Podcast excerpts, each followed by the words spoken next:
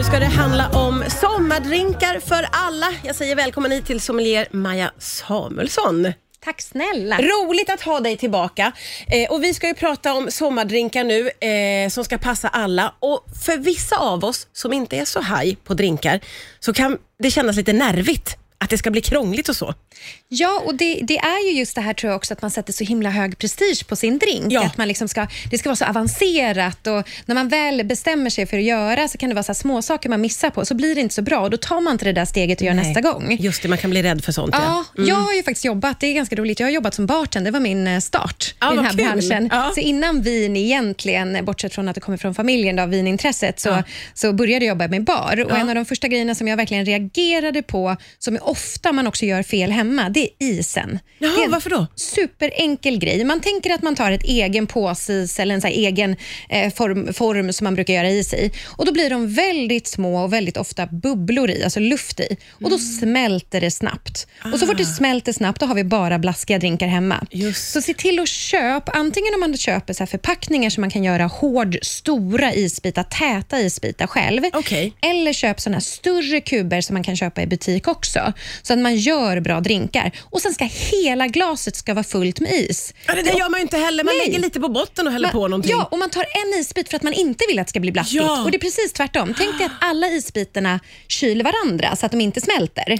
Så tar jag en, då kommer den smälta mycket snabbare så blir den blaskig. Så att det ska liksom fyllas upp. Och Då blir också ofta proportionerna rätt om man har ett lite större glas. Sen Ja, får man ju just det. försöka tänka på det där att har jag mindre glas och fyller upp med tät is, ja, då kanske plötsligt man inte ska... Då får man känna lite på, ska jag ha en fyra om jag skulle vilja ha alkohol i? För då kanske det bara blir, nästan blir sprit och så liksom Ah, just upp med det. någonting. Så där måste man ju kanske göra drinken vid sidan och sen fylla på drinken i Ah, ett glas med is eller så. Ja, men gud vad spännande att isen är så viktig. Så viktig. Oftast Ja. det absolut vanligaste man gör fel på. Och Det här Ja. är alla olika typer av drinkar. Groggar, finare drinkar som man jobbar med också. Ja, okej. Så man ska kosta på sig eh, större is om jag förstår det rätt. då. Större is och det fick, finns faktiskt idag finns det jättemycket bra så här, som man nästan fryser en isbit i taget. Sådana förpackningar man kan frysa hemma Mm. Ja, och då får det. du ju en helt annan nivå på drinkarna. Ja, just det. Det där är ett superbra tips. Eh, och, och en bra början, för det är sånt där som du sa inledningsvis. Har man gjort små misstag någon gång, Mm. då blir man lite rädd för att komma tillbaka och försöka igen.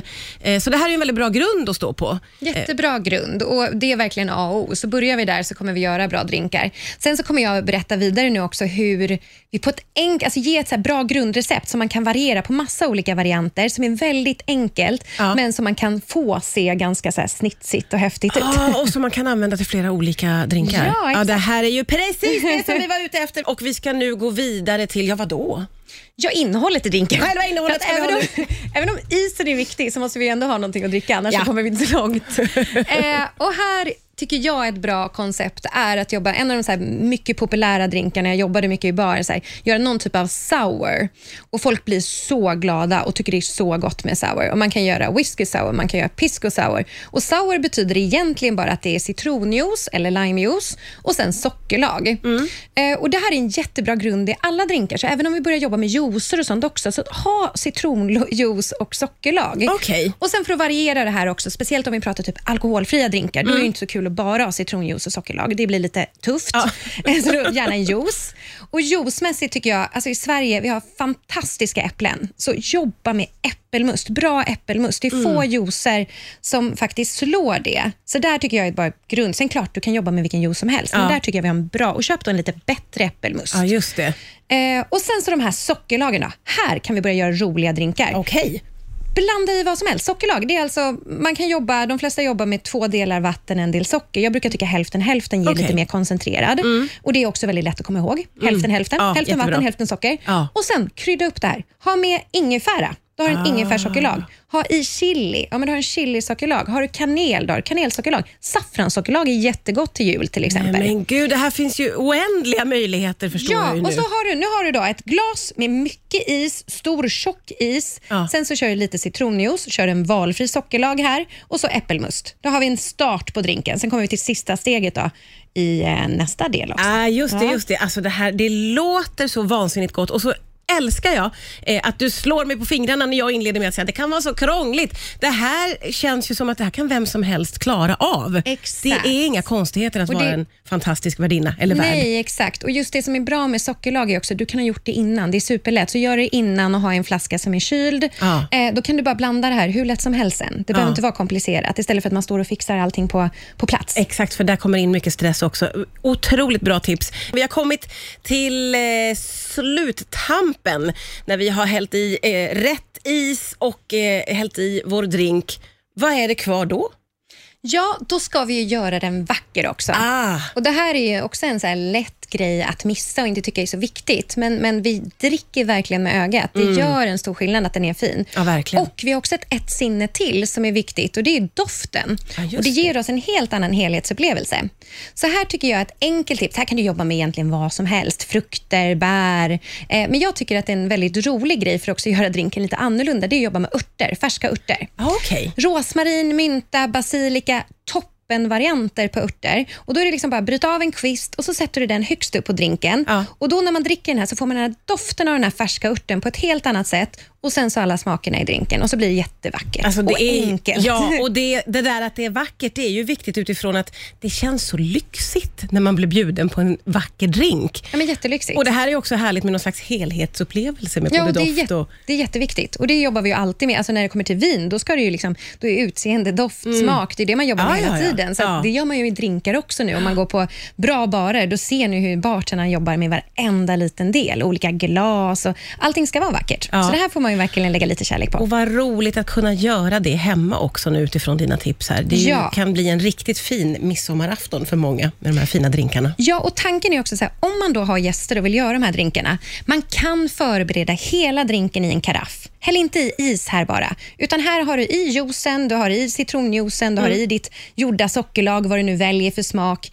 Eh, och Sen så har du bara det färdigt stå där helt enkelt. Och Ja. Har du sprit, då kan man ha i sprit i också om man vill Okej, göra alkohol. ja. Ja. Och Då har du färdiga karaffer. Sen när gästerna kommer och de är redo att dricka sin drink, ja, men då kan du hälla upp i en shaker och då har du is i den. Och Har man inte shaker hemma, Ja. det här är ju sån här, nu kanske inte alla bartendrar hade blivit superglada på mig, men vad jag, tycker, jag tycker det går jättebra att jobba med, alltså, jag har gjort det på fester när det inte finns en shaker. Ja. Ta en sån gammal typ eh, saltgurkaburk Okej. och sen så har du diskat den rejält Ja. så du inte får smaka av saltgurkan. Och så fyller du på med is och så med drinken i den, så skruvar du på locket och sen är det bara att skaka. Och det funkar på det. samma sätt? Det funkar jättebra.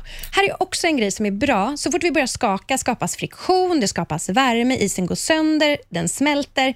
Sila gärna så gott det går upp på ny fräsch is i glaset. Ja, okej. Då kommer den också hålla mycket, mycket bättre. Små saker. Så is ska man ha mycket, det är bara att slösa med den. Ja, just det. Slösa med isen. Gud, vad roligt också att du nu har eh, f- förklarat för oss att alla har en shaker där hemma. Ja, man, på något sätt så kan man ändå lösa det. Och Vill man ändå piffa till det ännu mer, då kan man ha i lite, lite äggvita. Då får man så här härligt vitt skum på drinken Ah, också. ja, ja, ja, så det finns så många, många små tips man kan göra som egentligen inte är så avancerade. Nej, nej. Eh, Fantastiska tips. Jag måste få fråga, vad har du själv för favoritdrink så här på sommaren? Ja, alltså, jag gillar ju eh, egentligen ganska spritiga drinkar. så, så för mig är det typ så här, kanske en Negroni och då är det inga juicer eller någonting. så att det går ju helt ifrån det jag sagt. Okej. Men, men jag har också skapat några eh, bra sommardrinkar här då, som är alkoholfria. Just ifrån det här som vi pratade om, att man har en äppeljuice i grunden, eller äppelmust i grunden.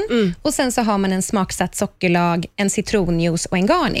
Och då jag ett exempel är på äppelmust och så har vi ingefära sockerlag eh, och sen så en garnish med rosmarin. Ah. Superhärlig kombo. Och Den andra är till exempel, då, då kan man testa med passionsjuice om man inte tycker om äppelmust. Men annars också äppelmust, chilisockerlag tycker jag är supergott. Och så tar man en eh, basilika på den istället till exempel. Ja, det här är fantastiska tips. Det är så otroligt inspirerande. Jag hade egentligen inte tänkt göra några drinkar till midsommar, men jag kommer nog att göra det nu tror jag. Tack snälla Maja Samuelsson för att du Tack kom hit idag. snälla.